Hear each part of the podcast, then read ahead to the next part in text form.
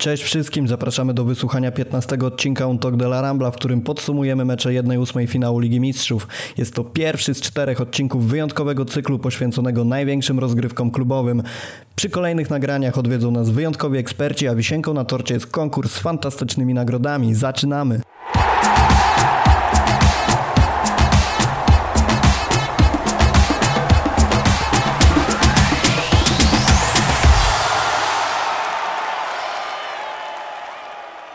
Jest dzisiaj ze mną Piotr Baleja. Cześć. I zanim przejdziemy do głównego tematu, mamy dla Was konkurs, który będzie trwał aż trzy odcinki od dzisiejszego nagrania, aż po następne dwa. E, wynik konkursu ogłosimy w podcaście po meczu finałowym Ligi Mistrzów.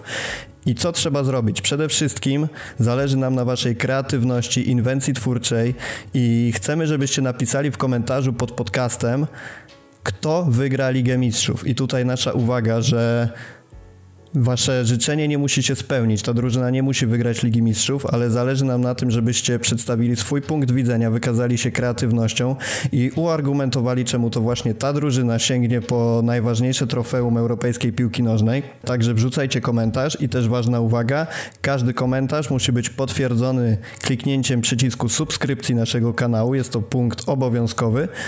A co do wygrania? Do wygrania są trzy vouchery od fcbarsa.com 200 zł, 100 zł i 50 zł dla najlepszych trzech komentarzy do wykorzystania w sklepie Zgoda FC według własnego uznania. Wybierzemy te trzy komentarze, damy Wam znać oczywiście, także zapraszamy do zabawy, zapraszamy do udziału, bo nagrody są na pewno warte wysiłku. I przechodząc już do tematu, Piotrek, nie jestem w stanie zacząć inaczej tej rozmowy niż zapytać Cię o to, czy była ręka Messiego. Moim zdaniem ręki tam nie było. E, patrzyłem na to z różnych e, jakichś powtórek, z różnych ujęć. E, być może należałoby mi dodać kilka dioptrii do okularów, ale ja tam ręki nie widziałem i moim zdaniem no tutaj to Messi został skrzywdzony. E, ale może nie wiem, sędzia chciał oddać na, na poli e, to tutaj sprawiedliwość, tak, po, po, po bramce Longle. Dokładnie mam takie same uczucie, bo oglądałem te powtórki milion razy, e, czytałem komentarze na Rambli ludzi, którzy wrzucali screeny, którzy opisywali w jakiej sytuacji ta ręka była, natomiast no szczerze mówiąc nie jestem w stanie zobaczyć tego momentu. I podobnie jak ty mam wrażenie, że to jest właśnie próba oddania Napoli tej jednej bramki, bo faul Engleta był, nie da się ukryć. Tak, a ja tak przewrotnie e, zapytam, bo e, no, swoje zdanie oczywiście mam, ale widziałem kilka takich e, komentarzy w internecie. Czy twoim zdaniem ten golf ustawił ten mecz? Moim zdaniem jak najbardziej, bo pierwsze 15 minut należało mimo wszystko do Napoli.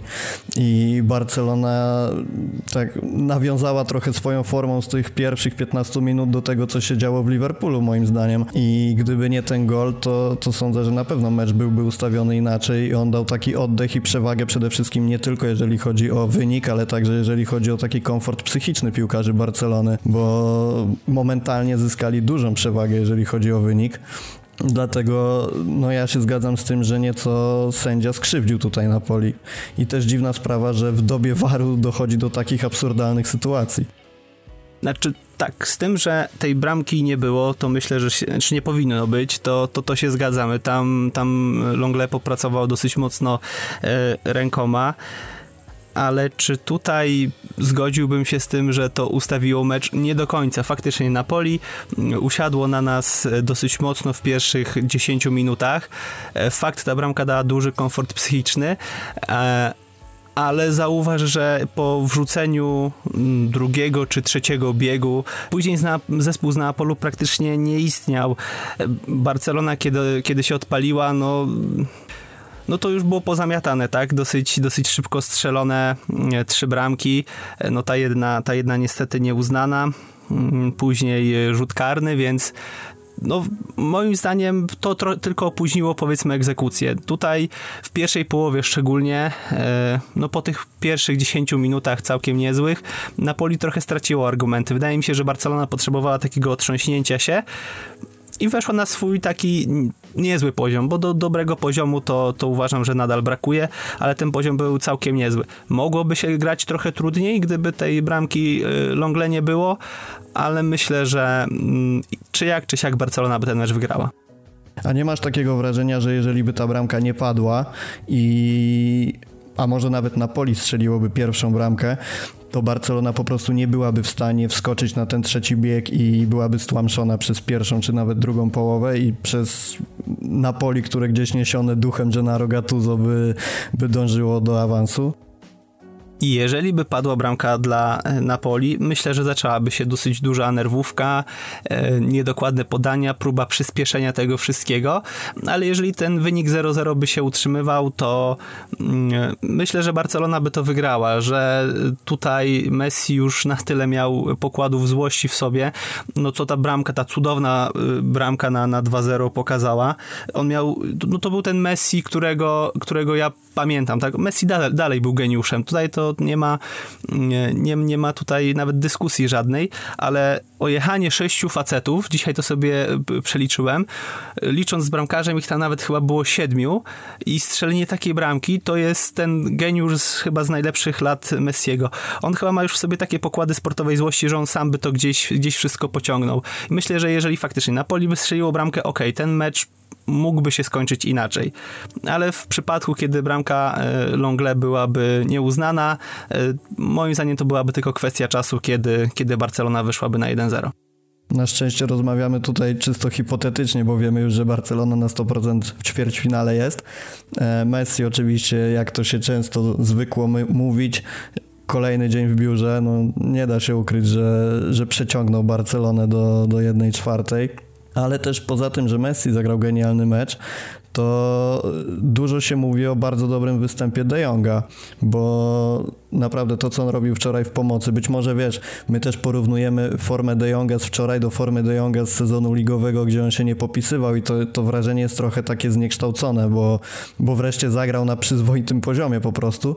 Natomiast ja mam wrażenie, że jeżeli on tak zagra z Bayernem, to jest cień szansy po prostu, bo, bo naprawdę Holender spisywał się bardzo dobrze w środku pomocy, nie uważasz? Tak, i moim zdaniem jest to trochę pokłosie tego, że nie grał Busquets. Mm, że De Jong mógł grać troszeczkę bardziej z tyłu, czyli tak jak bardziej lubi. Tutaj e, Roberto, Roberto czy mogli grać, e, grać ten krok przed nim i on w końcu wyszedł na taką swoją naturalną pozycję delikatnie cofniętego rozgrywającego, tak jak to miał w, zwyczu, w zwyczaju e, grać w Ajaxie. I faktycznie, jeżeli będziemy mieli tak postawiony środek pola, w sensie tak dobrego, tak dobrze grającego De Jonga, no to jest, jest jakby trochę większa nadzieja na, na mecz e, z Bayernem, który no, będzie arcyciężkim meczem, bo myślę, że no, zespół z Monachium jest w tym momencie no, jednym z dwóch, o ile nie głównym faworytem do, do zgarnięcia tego trofeum. Mało brakowało, żebym parsknął śmiechem, bo mam napisany dokładnie punkt, który ty powiedziałeś. Mianowicie, czy dobra gra De Jonga nie jest wynikiem braku Busquetsa, więc w tym punkcie zdecydowanie się ze sobą zgadzamy. No, no ja mówię, to znaczy ja sądzę tak samo jak ty, że De Jong wreszcie poczuł, poczuł, że może być decydujący na boisku, nie był ograniczony przez pozycję Busquetsa, a tym bardziej jeżeli weźmiemy pod uwagę to, co brał Rakitic i ja myślę, że gdzieś De Jong też to widząc miał w sobie taką, takie przekonanie, że musi brać więcej gry na siebie, bo ja naprawdę już na łamach tego podcastu wielokrotnie o tym mówiliśmy, jak słabym zawodnikiem jest Rakitic, natomiast wczoraj nie wiem, czy to było moje wrażenie i czy jestem po prostu uprzedzony do tego piłkarza, natomiast według mnie był to po prostu kolejny beznadziejny jego mecz, który nic nie wnosił, oddawał piłkę do najbliższego. E, coś jak już próbował, to, to kończyło się to fatalnie. Co ciekawe, tutaj taka, e, taka może anegdotka, że jak sprawdzimy statystyki De Jonga i Rakitica, te najbardziej podstawowe, to De Jong jeden strzał, e, Rakitic jeden strzał, De Jong żadnego strzału, w kluczowych podaniach 1-1, w dryblingach 3-1 dla De Jonga, e, podania też na tym samym poziomie, bo tam było 65 do 62 dla, dla jednego z nich, bodajże dla Rakitica. Natomiast e, oglądając mecz nie na, nie na SofaScore, nie na WhoScored, tylko patrząc na obraz tego, co działo się na boisko, widzieliśmy, jak diametralnie różni to byli piłkarze. I chciałem cię zapytać o to, jak powinna wyglądać nasza pomoc w meczu z Bayernem, bo jeżeli wróci Busquets, to wiadomo, że ma pewne miejsce w składzie.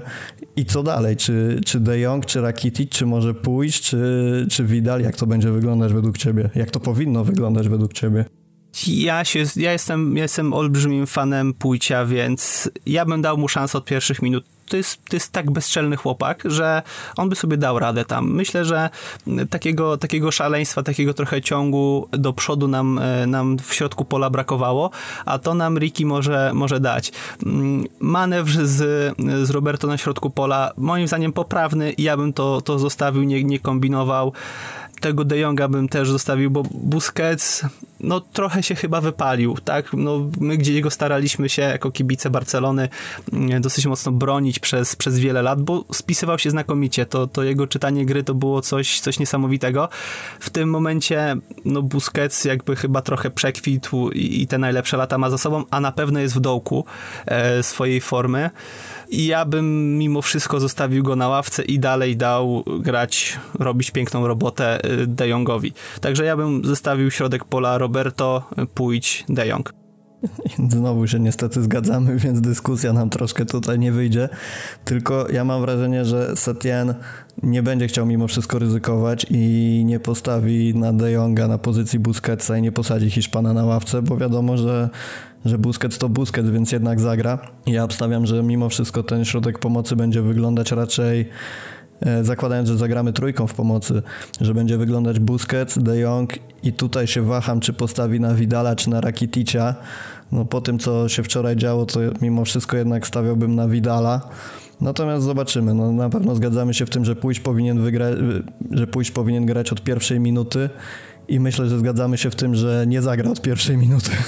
Tak, tutaj się zgadzamy i no to będzie podcast w stylu e, spijania sobie z dzióbków, bo tak, zgadzamy się też z tym, że, e, że wystąpi Widal. I może to też nie będzie takie najgorsze w tym wszystkim, bo jednak opanowanie mm, e, Tomasa Millera e, może tam być kluczowe. Ta, ta, taka walka w środku pola tam mo, może być potrzebna, a takim gościem jest właśnie e, Arturo Vidal, który kiedy trzeba poda ładnie, kiedy trzeba trochę kopnie w kostkę.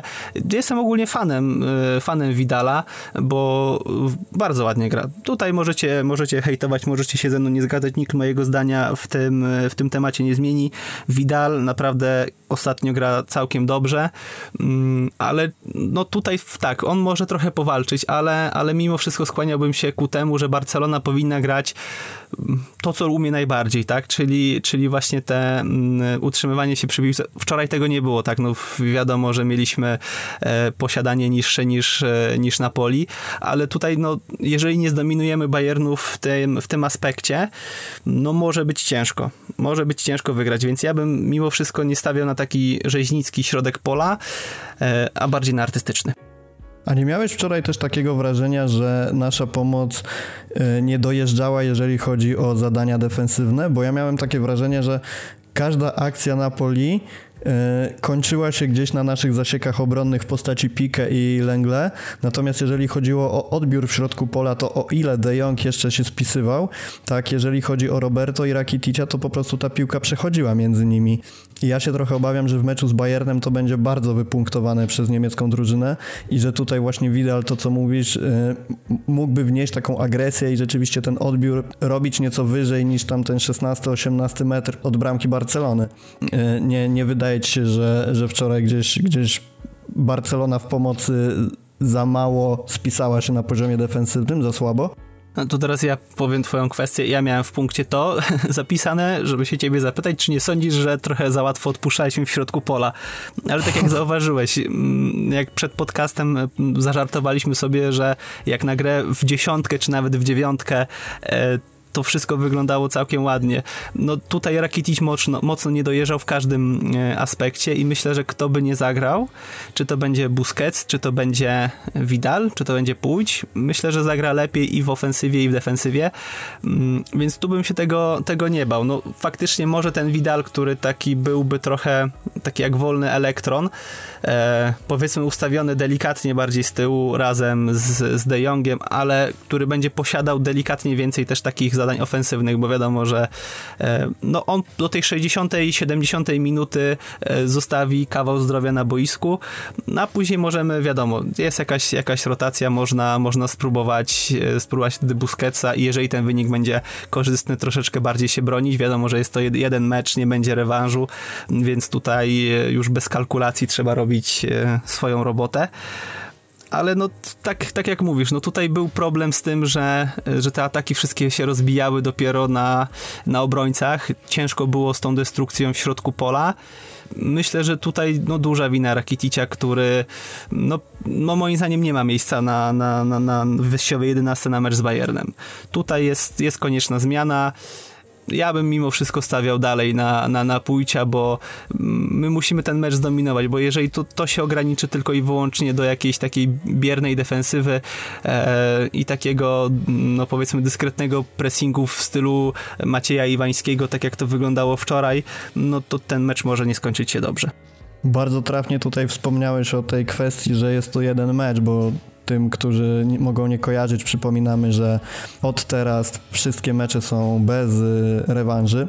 I mi się wydaje, że Barcelona może upatrywać w tym swojej ogromnej szansy, bo jak gramy na rewanżach, każdy wie i każdy pamięta. Natomiast tutaj, tak jak mówisz, nie będzie kalkulowania, będzie podejrzewam i mam nadzieję, że wymiana ciosów, że Bayern trochę się otworzy. Tym bardziej, że, że napastnika mają chyba całkiem niezłego na szpicy.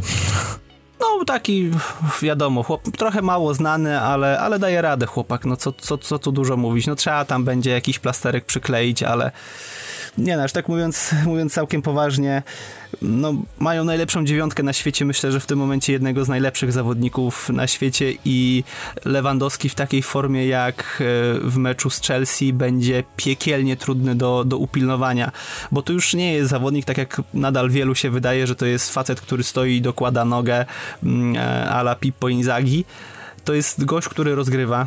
Wczoraj zaliczył oprócz dwóch goli dwie asysty więc to jest zawodnik kompletny i, i on po, pokazuje się w każdej strefie boiska. E, I to będzie naprawdę bardzo trudne, żeby go upilnować. Tym bardziej, że e, tak jak wczoraj widzieliśmy, widzieliśmy też w poprzednich meczach, Pique, mimo tego, że nadal jest solidny, przydarzają mu się czasem no, strasznie głupie błędy, a Lewandowski to nie Mertens i z takiego błędu na pewno skorzysta.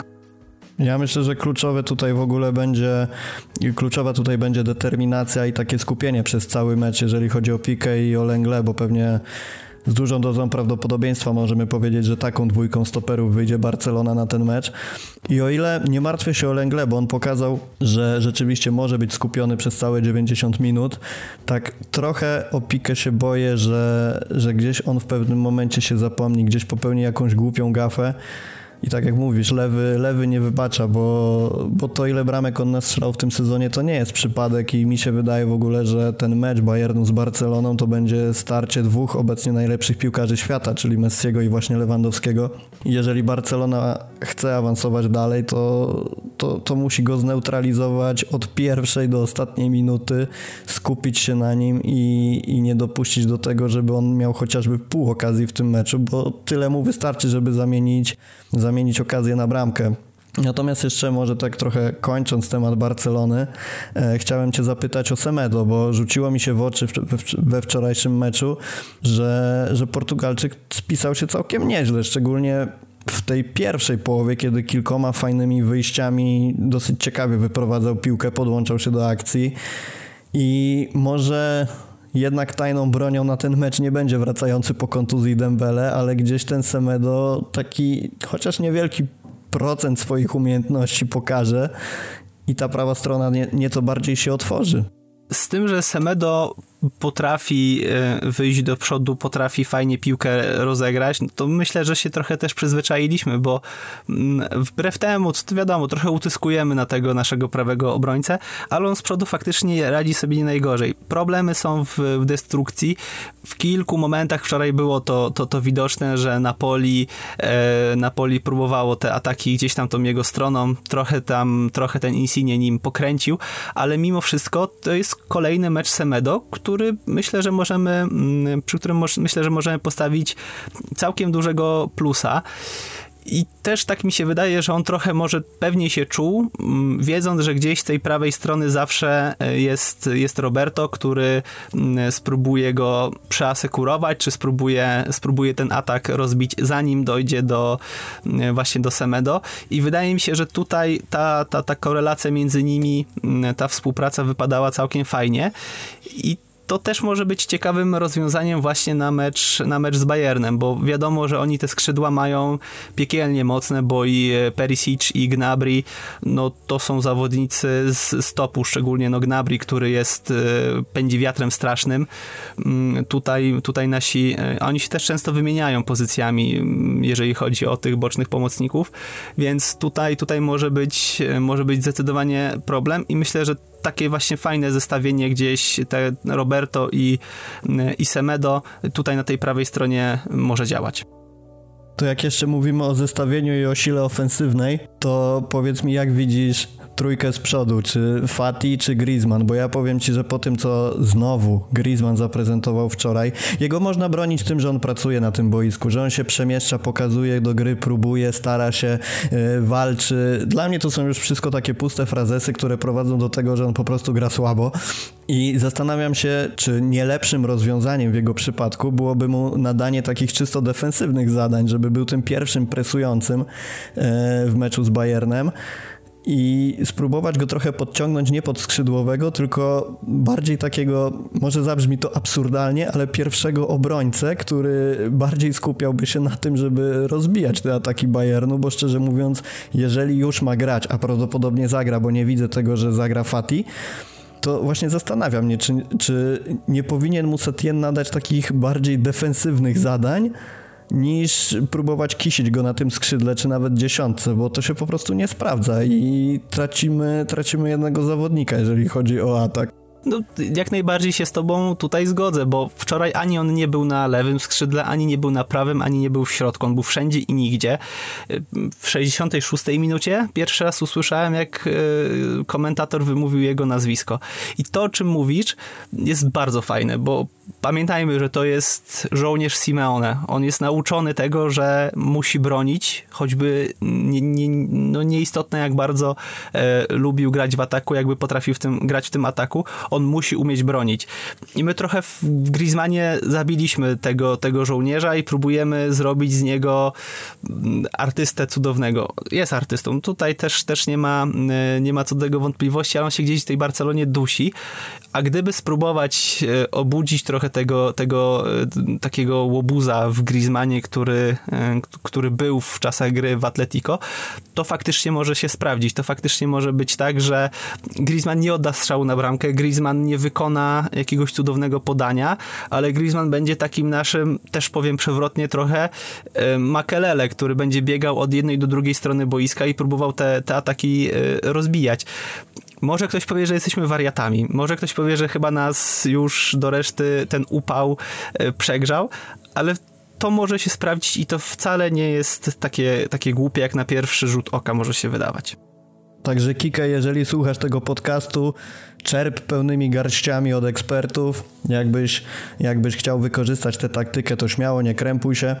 Ale mieliśmy też dwa inne mecze. Jak się czujesz z tym, że Real odpadł? Y, doskonale się czuję. Czuję się doskonale, bo jeżeli Real kolejny raz na farcie by się gdzieś prześlizgnął, to uznałbym to za jakąś dziejową niesprawiedliwość, bo prawdę powiedziawszy, każdy sezon Realu, kiedy on wygrywał Ligę Mistrzów, przynajmniej jeden mecz kończył się jakimś skandalem, gdzie Real powinien odpaść. Tu nie było skandalu. Real w obu meczach był znacznie słabszy. Mm, szczególnie postarał się o to Varan, który wygrał mecz dla Manchesteru City. I w sumie dobrze się stało, tak? Bo jeżeli kolejny raz Real by gdzieś, gdzieś się z tym wszystkim prześlizgnął, kolejny raz uznawany byłby za jakąś cudowną drużynę, a umówmy się, że ten potencjał jest mocno średni. Ci zawodnicy wszyscy są też tacy średni ja nie potrafię wytłumaczyć, na czym polega fenomen tej drużyny, że, że ona cokolwiek wygrywa. Nie potrafię. Piłką interesuję się, znam się gdzieś od 20 lat. Nie potrafię wytłumaczyć, dlaczego Real cokolwiek wygrywa z takim składem. To jest ten legendarny pakt Zidana z diabłem w Lidze Mistrzów. E, wiesz co, ja tylko mam takie wrażenie, bo dużo się mówi o City, że wy, wyeliminowali Real, Natomiast ciekawą kwestią jest to, że jedyne bramki w tym meczu rewanżowym padły po błędach Warana. Ja się zastanawiam, co by było, co by było, gdyby e, Waran tych błędów nie popełnił. Czy nie skończyłoby się to kolejnym właśnie takim prześlizgnięciem się Realu do kolejnej fazy e, w wyniku tego, że Benzema całkiem nieźle ostatnio sobie radzi, oczywiście całkiem nieźle, mówią, mam na myśli bardzo dobrze, i jak to rzutuje na ćwierćfinał City, bo sądzę, że jeżeli oni nie poprawią skuteczności, to tutaj jeszcze wszystko może się zdarzyć. Y, natomiast jeżeli chodzi o samo porównanie Realu i City w tym meczu rewanżowym, to ja oglądając miałem takie wrażenie, że City to jest ewidentnie produkt Guardioli, który spisuje się jak dobrze naoliwiona maszyna do wygrywania. Widać, że każdy piłkarz na tym boisku po prostu wiedział, jaka jest jego rola, wiedział, gdzie się ustawić, wiedział, gdzie podać piłkę, jak się przesuwać. No po prostu to, jak funkcjonował ten środek pola, to było coś, coś nieprawdopodobnego, coś pięknego. Tam, to, to, jak grał De Bruyne w tym meczu, no to można tylko, tylko bić mu brawo i nic więcej. Natomiast patrząc na Real, mm, widziałem taki chaos z ich strony. To, że Modric za bardzo nie wiedział, co z piłką zrobić. Casemiro popełniał błąd za błędem. No, nad, nad Varanem chyba już nie ma co się pastwić, bo wszystko zostało powiedziane. E, gdzieś to co, to, co Benzema próbował zrobić, uratować ten mecz, to za chwilę ktoś w środku pola psuł. E, to, co Courtois wybronił, to za chwilę musiał wyciągać z siatki, bo, bo obrona nie dawała rady. I sądzisz, że gdyby w tym meczu zagrał Ramos, to wyglądałoby to inaczej? jest taka szansa. Tam Real cierpi na, na trochę podobną sytuację jak, e, jak Barcelona, że mm, nie mają takiego prawdziwego lidera. Mi się wydaje, że po odejściu Pujola, Szawiego brakuje takiego, takiej bardzo silnej osobowości e, w Barcelonie, która czasami by tym zespołem potrząsnęła.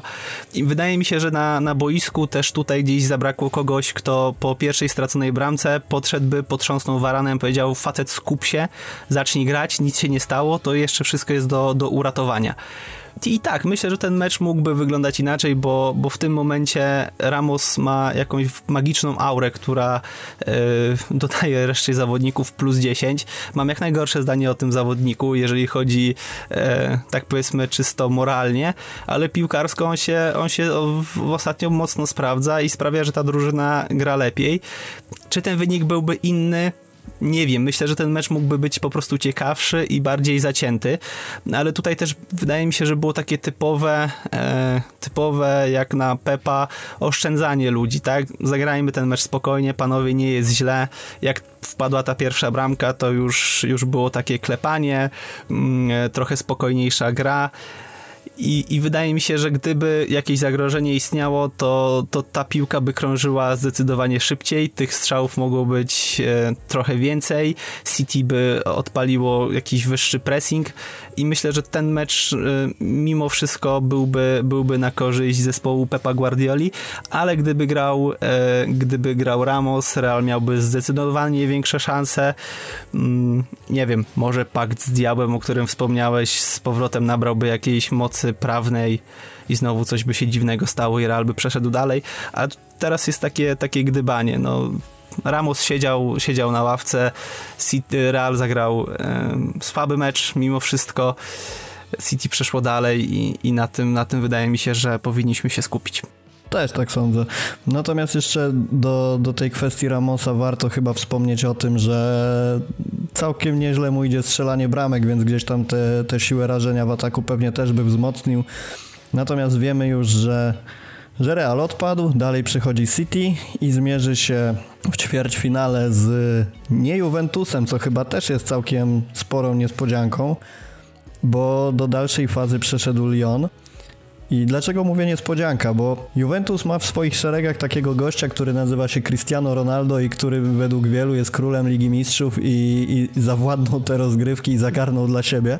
E, no sądząc po tym, ile bramek tam strzelił, bo teraz to już jest chyba 130 goli, nie można powiedzieć, że to nie jest prawda i Podobnie jak tutaj mówiliśmy o pakcie, pakcie Zidana z diabłem, tak ja miałem wrażenie, że gdzieś Ronaldo tą swoją ambicją, tymi, tym, tym swoim takim podejściem do gry, z tą sportową złością po prostu przeprowadzi Juventus do kolejnej fazy. Zabrakło mu niewiele, bo dwa gole to i tak jest dużo. Natomiast dalej gra, gra Lyon. Sądzisz, że to jest ostatnia, ostatnia faza Lyonu, czy mają szansę z City? Myślę, że nie bardzo. Nie pokazali jakby niczego super specjalnego e, w meczu z Juventusem ta bramka, no umówmy się, że ten karny, no powiedzieć o nim, że był dyskusyjny, to, to jakby nic nie, nie powiedzieć. E, więc, więc oni już tutaj się dosyć tak mocno prześlizgnęli przez tą fazę. I myślę, że Manchester City, no może to nie będzie spacerek, bo wiadomo, że tutaj, tutaj nie, ma, nie ma rewanżu, to jest jeden mecz, tutaj może zadecydować jeden głupi błąd i później Lyon się muruje i, i przechodzi dalej, wiadomo, ale tak czysto logicznie mówiąc, y, wydaje mi się, że tutaj nie, nie ma prawa, mm, nie ma prawa ten Lyon przejść, nie ma, nie ma argumentów y, takich, żeby pokonać Manchester City w obecnej dyspozycji. Ja szansy upatrywałbym podobnie jak w przypadku Barcelony w tym, że nie ma rewanżu i tu się może zdarzyć wszystko, bo nawet jeżeli gdzieś tam jedna akcja e, Lyonu doprowadzi do bramki, czy w jakiejkolwiek formie, niech to będzie karny, niech to będzie wolny, cokolwiek, to gdzieś oni są już to, tę jedną bramkę do przodu i, i jeżeli udałoby im się utrzymać ten wynik, to szczerze mówiąc, może nie tyle, co był, nie byłbym zaskoczony, co nie byłbym super bardzo zaskoczony. Natomiast masz rację w tym, że wszystkie piłkarskie argumenty przemawiają za tym, żeby do dalszej fazy przeszło City Guardioli. To powiedzmy sobie jeszcze tak może na zakończenie tego podcastu nasze, nasze krótkie takie przewidywania, bo o City Lyon już powiedzieliśmy i, i że tutaj raczej przejdzie City. Barcelona Bayern twoim zdaniem, tak pomijając to, co dyktuje serducho. Jeżeli pominiemy to, co dyktuje serducho i pominiemy to, że mój słynny hashtag wszystko drewno zmieniłem na czas Ligi Mistrzów na wszystko złoto, mm, jeżeli tak rozum nie serce, to mimo wszystko Bayern. Ja jestem 50 na 50 prawda, znaczy czy, czy 51 do 49 powiedzmy dla, e, dla, dla Bayernu, tak to wygląda gdzieś, e, gdzieś w tej mojej układance. E, mimo wszystko jest to zespół, który gra równiej, który ma e, chyba trochę lepszy skład w, w tym momencie. Nie ma takich, takich zawirowań gdzieś, gdzieś na górze, jak są w Barcelonie. E, mają trochę spokojniejsze, spokojniejsze głowy ale no my mamy genialnego piłkarza, my mamy człowieka, który może zrobić, zrobić wszystko, nawet dwóch ludzi, bo w tym momencie mówię również o, o, o Terstegenie, bo y, ja, ja, go uwielbiam. Ja po prostu twierdzę, że, że ten, ten, ten bramkarz jest tak skrojony na miarę naszego zespołu, że chyba lepiej się wybrać nie dało. Jest, jest geniuszem w swoim fachu, mm, podobnie jak Leo na boisku i tak jak Leo może strzelić, e, strzelić z każdej pozycji, jak pokazał wczoraj, tak e, Ter Stegen może, Ter Stegen może wyjąć wszystko. To ja z kolei sądzę tak, że większą niespodzianką byłoby chyba odpadnięcie Bayernu niż Barcelony, ale, ale kibicujmy serduchem, więc, więc miejmy nadzieję, że to Barcelona awansuje. Atletico czy Lipsk? Yy, myślę, że Atletico tutaj, tutaj swój główny kieł gdzieś stracił Lipsk w postaci Wernera, yy, więc stawiam na, na Atletico. To nie będzie piękny mecz, ale myślę, że jakieś 1-2-0 dla, dla Atletico będzie. Tutaj też się zgadzamy. Atalanta czy PSG? Tu jestem ciekawy, co powiesz. Ojej, kocham Atalantę całym sercem. Uwielbiam takich e, outsiderów, uwielbiam takie zespoły, które wyskakują znikąd, ale mimo wszystko uważam, że mm, że PSG, bo Atalanta straciła Josipa i Licicia, problemy gdzieś osobiste e, i Licić wyjechał już pod koniec, e, pod koniec ligi do, do swojej ojczyzny, ponoć problemy rodzinne, on też bardzo źle znosił, e, znosił pandemię, no, a jest teraz w takim gazie, że on sam by mógł roznieść, roznieść PSG, no i tutaj no, dosyć sporo siły rażenia Atalanta traci. Myślę, że przejdzie dalej PSG, ale jak najbardziej bym chciał, żeby, żeby dalej grała Atalanta. To ja przekornie powiem, że według mnie przejdzie Atalanta, ze względu na to właśnie, że są tymi outsiderami i, i to, że PSG w tej Lidze Mistrzów jakoś nigdy nie sprawdzało się tak. Nawet jak podchodziło do meczu jako faworyt, to, to często zdarzały im się wpadki, więc takie wymieszanie serca z rozumem mówi Atalanta, a jak będzie to zobaczymy. No dobra, dzięki Piotrek, będziemy kończyć ten podcast.